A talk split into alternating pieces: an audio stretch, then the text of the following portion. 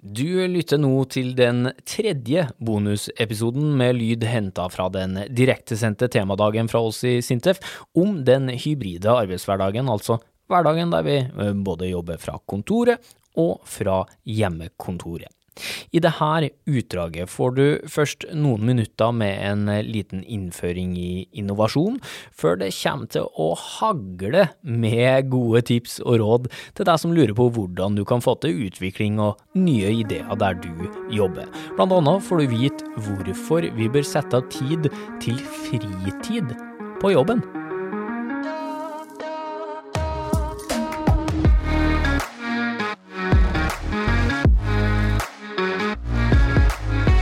Hører podkasten Smart forklart med Aksel Faanes Persson.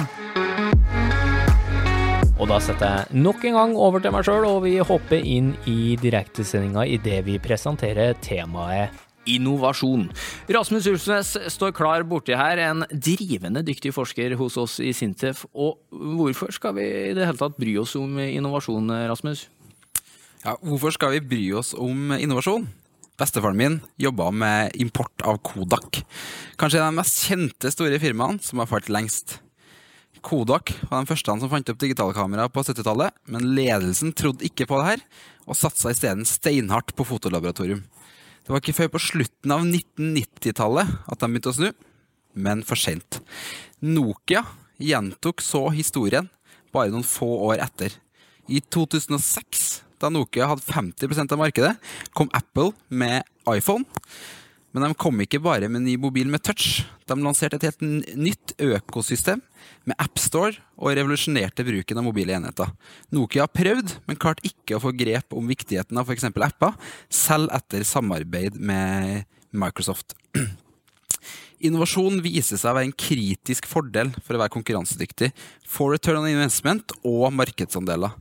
Siden 1930 har forskere vært interessert i hva innovasjon er for noe. Kort oppsummert beskrev Schumter innovasjon som det å gjøre ting annerledes. Men man kan spørre seg når gjør du noen gang ting likt? Så noen syns det var litt for enkelt, og nå snart 100 år senere har vi fortsatt ikke noen god beskrivelse på hva innovasjon er. Men det vi vet, det er at det er viktig å fokusere både på prosessen, hvordan og hvorfor man jobber med innovasjon, samtidig som det du får ut av det, eller målet med innovasjon, er det absolutt viktigste, ikke hvordan du kommer fram til det. Men hva kan målet eller utfallet av innovasjon være, da? Utfallet av innovasjon kan være på et spekter fra kjerneinnovasjon til transformerende innovasjon. Kjerneinnovasjon fokuserer på inkrementelle endringer for eksisterende produkt for eksisterende kunder. Tilstøtende innovasjon det kan være at man bruker eksisterende produkt på nye marked, eller utvikler nye produkt for eksisterende marked. Mens transformerende er helt nye produkt for nye markeder. Interessant nok, selv om sju av ti av de her transformerende initiativene feiler, så viser forskninga at 70% av ny inntekt kommer fra denne transformerende innovasjonen. Vi i Sintef har forska på hele spekteret under pandemien, og sett hvordan bedrifter jobba med innovasjon. Vi har bl.a. forska på kjerneinnovasjon i etablerte bedrifter. Og her finner vi det at nettverk på tvers av den etablerte organisasjonen er viktig for å få fremgang i innovasjon. Her kan vi se et sitat fra en av dem vi har snakka med. En del av de andre som driver med disse her prosjektene, er forholdsvis ung og er et nettverk innenfor et spesifikt fagområde. Jeg har nettverket mitt på tvers av hele organisasjonen vår. Det er flere måter å jobbe med dette nettverket på gjennom f.eks. coaching, praksisfellesskap eller andre typer seremonier, der man kan hjelpe hverandre som innovatører. Et viktig poeng her er at nettverk på tvers kanskje ikke oppstår ved den lokale kaffeautomaten. Da må du dra til de andre avdelingene sin kaffeautomat. Vi har også sett på hvordan innovasjon av mer transformerende art har forløpt seg. Der ser vi at kultur er et viktig element for å bygge det som kreves for å få frem transformerende innovasjoner. Så her ser vi det at et autonomt team så tar de ansvar for oppgaven de velger. De sier aldri at de må huske på å gjøre den oppgaven. Så det handler om å bygge en kultur om å ta ansvar for det du gjør. Og denne kulturen må bygges kontinuerlig. Og den gjøres også ofte gjennom coaching, seremonier og praksisselskap. Oppsummert så er kultur, nettverk, coaching, prosess og seremonier kritiske ingredienser for innovasjon. Prosessen er bare en del av det som kreves. Det er forskjell på etablerte selskap og nye transformerende innovasjoner, men alle disse ingrediensene er nødvendige, dog i noe forskjellig grad. Så uansett om du jobber på kontoret, bare på Teams eller en blanding, så er det her du må få til for å få til innovasjon. Takk skal du ha, Rasmus. Og, og hvordan vi skal løse det her med innovasjon i den hybride arbeidshverdagen som vi har havna i, det er jo det store spørsmålet. Og for å hjelpe oss der, så har vi fått besøk av to som tenker litt utafor boksen, og som garantert kommer til å inspirere deg. No pressure, Jørgen og Anders. Jørgen Hesselberg, litt artig at Rasmus nevnte Nokia, for du har jo faktisk hjulpet dem med utvikling. Eh, kunne ha vært der et par år tidligere. Jeg tror nok det. Ja. Karttjenesten til Nokia, da, som eh, ja, han har hjulpet til med. Forfatter av den meget populære fagboka Unlocking Agility har skapt firmaet Comparative Agility, som tilbyr eh, verktøy som finner ut hvor bedrifter har utfordringer, og hvordan de kan løse dem. Og vi kan vel si at du elsker alt som har med innovasjon og utvikling å gjøre. Det kan du godt trygt. Yes. Det samme gjelder for deg, Anders Hauge 2. Eh, gründer og styreleder i tekstselskapet Iterate, et selskap som bygger et økosystem for innovasjon. Anders har bl.a. vært rådgiver for Lego om hvordan de kan utvikle seg og jobbe smidigere. Og i tillegg teknolog og investor. Spot on. Ja, Da har vi CV-en til begge to. Eh, Jørgen, har vi fått bedre eller eh, verre forutsetninger for innovasjon nå? Jeg tror faktisk det har blitt mye bedre. jeg. Eh, jeg, jeg, jeg tror det at det nå som er muligheten til å liksom åpne opp inno, innovative måter digitalt, jeg tror det kommer til å virkelig forandre ting. Det var slik nå i begynnelsen at vi kun kunne være digitalt. Det hadde sine fordeler, det har vi vist. Det var ting vi ikke trodde kunne skje, men nå har det skjedd. Men nå kan vi velge. Og det tror jeg er en kjempefordel. Nå kan vi gjøre de tingene som passer best for oss i vår kontekst. Det tror jeg er en kjempefordel. Enig, Anders? Absolutt. Men hva, er det som er så mye bedre nå da, enn eh, den hverdagen vi var kjent med innovasjonsmessig for bare noen år siden? Altså, noe som vi hørte innledningsvis her, er jo dette med Man må kanskje litt mer på kryss og tvers i organisasjonen. Um, og det å bygge nettverk. Uh, er det store selskaper som kanskje er også plassert på forskjellige lokasjoner osv. Så, videre. uh, så tror jeg det å ta ned terskelen for å kunne møtes uh, digitalt, og at alle har på en måte selvtilliten til at vi kan faktisk få til veldig mye digitalt. Det er ikke alltid det er det mest optimale, men det er faktisk mulig. Det tar også ned terskelen, og jeg tror det er utrolig viktig, fordi Eh, folk på en måte jobber som regel litt Det er veldig fort gjort at man jobber ut ifra det man til enhver tid føler er lettest eller enklest. Eh, og det ok, så reise til Trondheimskontoret, på en måte, det er litt mer barriere enn å stikke over gangen. Men jeg kan ta et videomøte med Trondheimskontoret, og så begynner vi å prate sammen, og så finner vi ut av ting. Eh, så jeg tror det på en måte øker eh, tilfeldighetsfaktoren og den er veldig veldig viktig for å få til innovasjon. Og så er det litt så artig, da, for jeg har jo snakka med dere på forhånd, og jeg blir så utrolig inspirert av ting dere sier. Og en av de tingene vi har snakka om tidligere i sendinga, her er jo den møtekalenderen vår, som er så utrolig full. Eh, og der, Anders, når det kommer til innovasjon, så er du en eh, stor tilhenger av det du kaller for fritid på jobben. Altså, hva, hva legger du i det? Nei, altså Det korte svaret egentlig er at jeg tror fritid på jobb det er den mest effektive måten å drive innovasjon på. Um, og uh, litt, kommer litt tilbake til dette med tilfeldige møter. Uh, men også uh, det å kunne ta seg tid til å finne ut hva man egentlig har lyst til å drive med. møte mennesker som man kanskje ikke egentlig har noen god grunn til å møte. og ikke minst leke med ideer som ikke høres så veldig gode ut. Fordi hvis man ser ting i retrospekt, ting som har vært ordentlig innovative, har ofte ikke hørtes veldig smart ut i begynnelsen. Eh, jeg pleier ofte å bruke Airbnb som et eksempel. Eh, og de founderne av Airbnb snakker mye om, eller forteller den historien også. Eh, se for deg at du går rundt og skal overbevise folk om at du skal bli verdens største hotellkjede, men du skal ikke ha et eneste hotellrom. Og måten du løser det på, det er at du skal få mennesker til å leie ut hjemmene sine til vilt fremmede. Altså, det er egentlig verdens mest ræva idé. eh, men det ble innovativt, og nå vet vi jo hva det er. Men hva er de ideene vi har nå, som er akkurat like dårlige? Men som faktisk kan bli til noe. Eh, og hva har dette med fritid å gjøre? Jo, Poenget da er at hvis vi skal rasjonalisere alt vi gjør, og på en måte regne det hjem og forklare det hjem og få alle med oss, eh, det er veldig fort det som eh, kreves hvis du går inn i en definert prosess. Men hvis du har fritid, hvis du kan bruke litt av tiden din som du vil, så trenger du egentlig ikke å forklare det til noen i begynnelsen. Du kan heller bygge deg et team, man kan utforske og leke og eh, lære fra markedet, kjøre masse eksperimenter, men alt på en måte litt under radaren. Eh, og så kanskje så begynner det å vokse frem ting, eh, og så kanskje man ser at jo, dette kan faktisk funke allikevel. Eh, men det hadde ikke skjedd hvis du skulle på en måte eh, forklart det og definert det og kjørt det en definert, i en definert prosess fra første dag. Da. Det er akkurat det som er greia. For at innovasjon er jo litt magisk. Det, er, det er liksom ikke noe sånn eh, enkel løsning. Det er ikke noe sånn gjør ABC, så, så er du innovativ, liksom. Eh, men magien er jo det å skape et miljø og, og, og liksom muligheter for at ting kan skje. Og Det er jo derfor det er så fint å ha ting som frihet som du sier, og, og fritid, hvor du kan liksom gjøre ting som ikke er planlagt. Og Det er det som er så magisk. Hvis du kan prøve å skape litt variabilitet, litt sånn vilkårlighet, så, så kan faktisk dette her skje. Og det er aldri noe du kan planlegge. Så enkelt er det bare. Nei, og det er jo en ting at Vi kan sitte her og notere oss gode tips, men forskninga viser jo eh, Rasmus, at eh, det her med fritid på jobb det er viktig. Ja, det er viktig. Eh, Man har jo sett det med de praksisene som har kommet. Lean, smidig, agil. Som har blitt tatt til hjertet av flere bedrifter. Så har man veldig fokusert på å gjøre det du gjør, for stadig bedre. Og det tar bort det her frihetsmomentet da, som eh, vi ser at har en viss effekt. Da. Så de effektene her ser vi jo at det, de skaper nettverk på tvers. Og ikke minst så ser vi at det her å ha det, bare ha det artig på jobb, ha en følelse av å gjøre noe, noe annet, det øker på en måte motivasjonen hos de ansatte. Og det øker også involveringa og eierskapet til dem som eh, er ansatt. Og det her blir også brukt i enkelte bedrifter som har denne friheten, til å på en måte rekruttere andre. Og det skrytes av at her, her har vi lov til å gjøre ting sjøl, og se hva vi lager her som det egentlig ikke har noe praktisk eh, businessverdi. Men det, det var veldig artig å gjøre det, og det får faktisk inn ny kompetanse. Da. Så det er viktig også for eh, å få inn nye.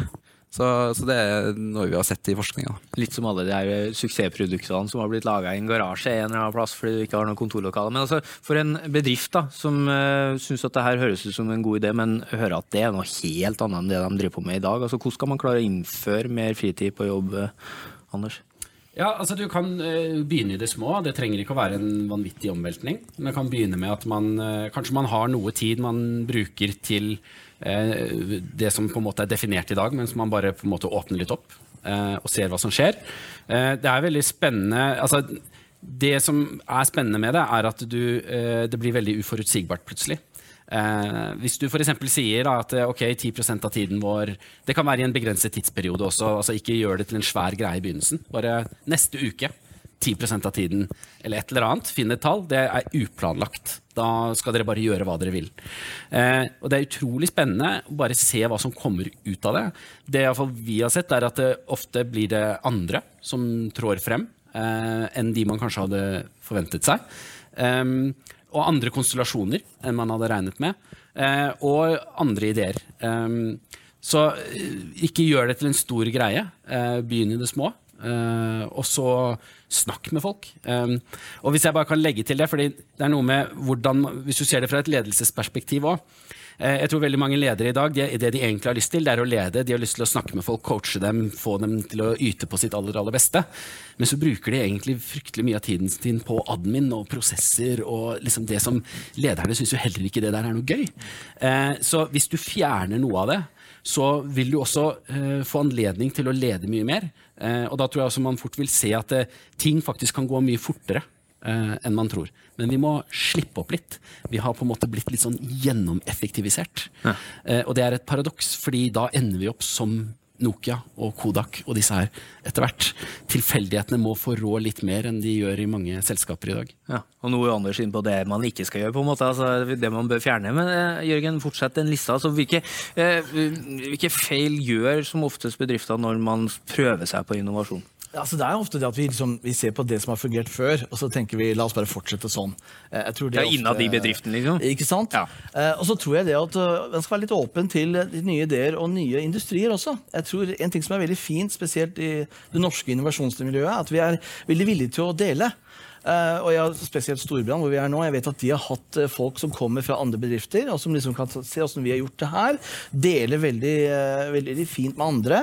Og, og, og, det er veldig fint, for spesielt når det går ute fra andre industrier. For eksempel, en ting vi gjorde i min bedrift, var at vi sa la, la oss sjekke hvordan f.eks. En, en kaffebedrift hvordan de fungerer. De driver og brenner bønner og sånn, men hvordan fungerer det? Og så ser du hele prosessen. liksom Hvordan de velger bønnene, hvordan de, de lukter og finner en aroma aroma altså, Det er en helt kreativ prosess der som er veldig annerledes enn programutvikling. Men det er veldig mange paralleller også. Hvordan de jobber sammen, hvordan det er kjemikere som jobber sammen med forskere på andre områder. Eh, det, det, er akkurat, det der er jo det samme. Og det å få impulser fra andre bedrifter, andre industrier, det tror jeg er veldig viktig. Og du vet ikke hvilke impulser du trenger. Akkurat det. Eh, og det er derfor dette også må være litt eksperimentelt. Du skal ikke bare være ute i markedet og eksperimentere, men du skal eksperimentere med konstellasjoner. Men mange er jo liksom eh, redd for den der eh, Alle har jo starta opp en kaffeprat eh, tidlig om morgenen. ikke sant? Altså Den kaffemaskinpraten som har forsvunnet. Og så det noen som sier at den er så viktig for innovasjon. Eh, hvor viktig er kaffemaskiner? Ja, Den er essensiell. Ja, er enig? det? Ja, ja, ja. Ja, det er en Og god investering, altså. Ja, altså Det er det beste på en måte målet Eller eh, hvis du, hvis du lurer på hva kulturen din egentlig er, så, så går du og så hører du bli, Du må jo bli med litt da, eh, som leder. Men, eh, og, og du kan følge med selv som ansatt òg. Hva er det egentlig vi prater om ved kaffemaskinen? Og her har jeg en sånn analogi jeg har brukt eh, noen år. Om, eh, om man kan tenke på det litt som om selskapet jeg jobber i er introvert eller ekstrovert. Og da mener jeg ikke at det er en gruppering. Det er ikke sånn at et introvert selskap er fullt av introverte mennesker, og motsatt. Men det er en måte å se på dynamikken i selskapet. Så et introvert selskap, der, er man veldig, der får man energi av å snakke om interne ting. Hvem var det som fikk den siste forfremmelsen? Eh, når skal vi innføre den og den prosessen? Altså Ting som betyr noe for oss. Mens et ekstrovert selskap er opptatt av ting som skjer der ute i markedet med brukerne, kundene, fremtidige kunder osv. Dette her det kan du følge med på hvis du ser hva folk snakker om ved kaffemaskinen.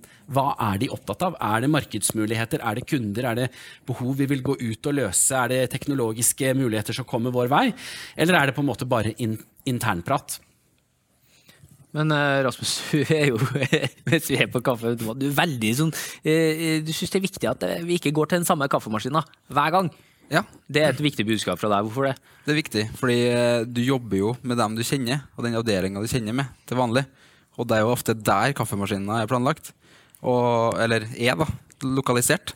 Eh, mens det vi har sett da, i en del forskning, er jo at det er jo i de konfliktene konflikt, det, det er litt sånn konflikter da, mellom det etablerte og det nye. Der er det muligheter for innovasjon. For der er det et eller annet som gjør at du er uenig da, for med en avdeling da, internt, da, som gjør at du kan ta tak i det. Hvorfor er det sånn? Er det et problem vi ikke har løst, eller er det noe du kan ta tak i? Og hvis du holder deg med dine egne og dine sjøl, så blir du bedre på det du gjør. da. Og Det er noe vi har sett her. da. Men eh, Det er enkelt å si det, da, møte opp på en annen kaffemaskin eller møte opp ved kaffemaskinen. Men hvordan skaper du nye ideer? Hvordan får du til ting? Altså, Gi oss en slags oppskrift eh, der. Ja, altså, En ting er jo å få folk sammen, selvfølgelig. Og der kan jo også digitale verktøy hjelpe oss mye. da. Altså Dette her med vilkårlighet tror jeg er kjempeviktig. Altså Du nevnte det at man skal ikke planlegge altfor mye. Eh, Nå har vi jo verktøy faktisk som kan rett og slett pair up f.eks. en leder med en person som kanskje er med på bakkenivå, og ha samtaler der som kanskje ikke var planlagt i det hele tatt. Men plutselig nå så snakker vi om et tema. liksom, Hva er vi, hva, er det vi gjør som et firma? Hva er, hva er liksom målet vårt framover nå? La meg høre din, di, ditt perspektiv. Og, og få de perspektivene fra forskjellige nivåer. Ikke bare liksom når det gjelder alder og eh, miljø og liksom hvilket område man har ekspertise på, men også forskjellige etnisiteter, bakgrunn, alle sånne ting. Det der er kjempeviktig, for da, da kommer det en kreativ reaksjon på det. Fra lederen, eller fra den personen som faktisk sier ja, de hører på meg. Det er litt, det er litt fint. Jeg sier du nå at vi skal opprette en slags digital kaffeautomat hvis du er leder, da? Rett og slett. Og invitere til en kaffeprat på et kvarter da, med noen andre som du nødvendigvis ikke snakker med til daglig? Det er jo akkurat det. Vi hørte jo fra Victoria Stray at det er noe av det som har skjedd allerede. Og spesielt nå hvor vi kan være litt mer vilkårlige, så tror jeg det er absolutt en ting vi kan gjøre. Ikke at det skal ta over for kaffen, vi trenger kaffen. Men jeg synes for å, liksom, som du sier, da, gå utenfor liksom, de rammene som vi er så veldig kjent med, så tror jeg det er en kjempeidé. Og da sånn Oppfordring til de lederne, for eksempel, hvis de gjør det. eh, start den samtalen med en skikkelig, skikkelig dårlig idé. Eh, og så senk terskelen på en måte, for hva folk har lyst til å drive med, og hva folk tenker at eh, vi kunne prøvd oss på. Eh, så senk det eh, taket ordentlig, sånn at, eller skap takhøyde, sånn at folk kan få lov til å virkelig leke på arbeidsplassen og eh, jobbe med disse ideene. Fordi nok en gang, de virkelig innovative ideene høres ikke alltid så veldig bra ut eh, i begynnelsen. Men det her er jo også liksom spennende, at når du begynner med innovasjon, da, har et seminar, eller om du kjører den kaffepraten, eller hvordan du nå velger å gjøre det, det, det dukker alltid opp noen ideer. Og så må du som leder da sitte og velge hvilke ideer skal vi gå for. Og, og, og hva er tipset deres der? Ja, altså, på en måte så kan man si det er ingen dårlige ideer. Det er en fin måte å starte. Men så er det det å teste disse ideene. da. Det er jo det som er liksom clouet her. Og da gjelder det å ha veldig fast feedback loops, som vi sier. Og det å kunne klare å ta en svær idé og kanskje gjøre den litt mindre, slik at man kan teste er denne essensen riktig. Er liksom hovedhypotesen korrekt? Den kan vi teste fort. Spesielt nå som vi har en digital hverdag. Da er det, det er ikke noe unnskyldning egentlig der, altså, for å veldig fort snakke med kunder og se om dette her har, har liv laga. Eh, men eh, det er, det er, ikke noe fasit. Vi vet ikke om en idé er god eller dårlig. Akkurat som Anders sa, du vet ikke det før du faktisk prøver. Nei. Og det er det vi er nødt til å gjøre. Og der, der, Du er inne på det helt sentrale her nå, fordi det er måten man tester det på. Eh, hvordan, eh, hva er det neste steget nå? Hvordan skal vi lære noe om denne ideen? Det er de, den typen spørsmål man burde stille.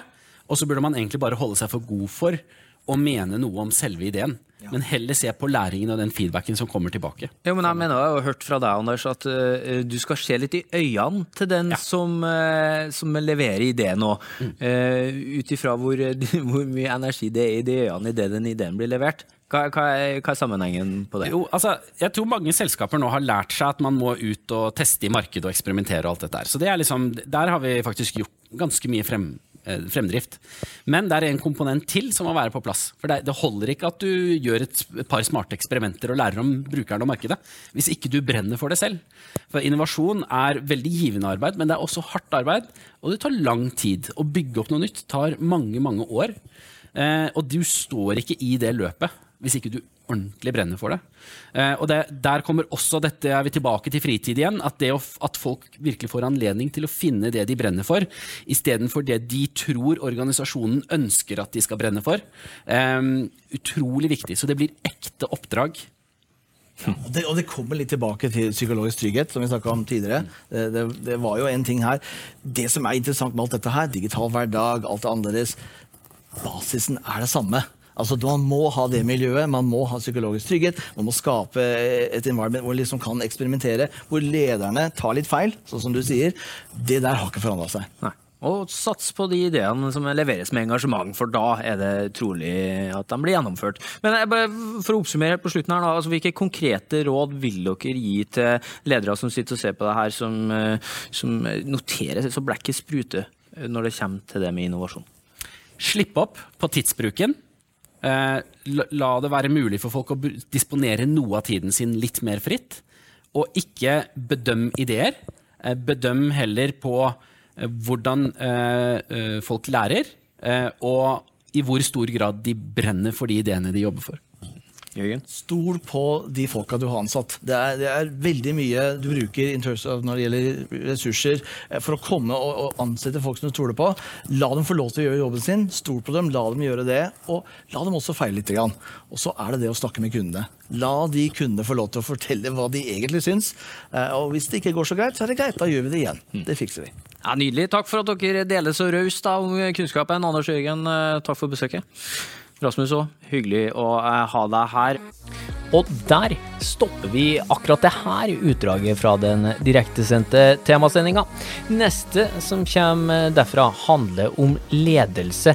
Og så minner vi om at eh, hvis du heller vil se på de her dyktige folka som kommer med tips, så finner du som sagt lenke i episodebeskrivelsen til denne bonusepisoden.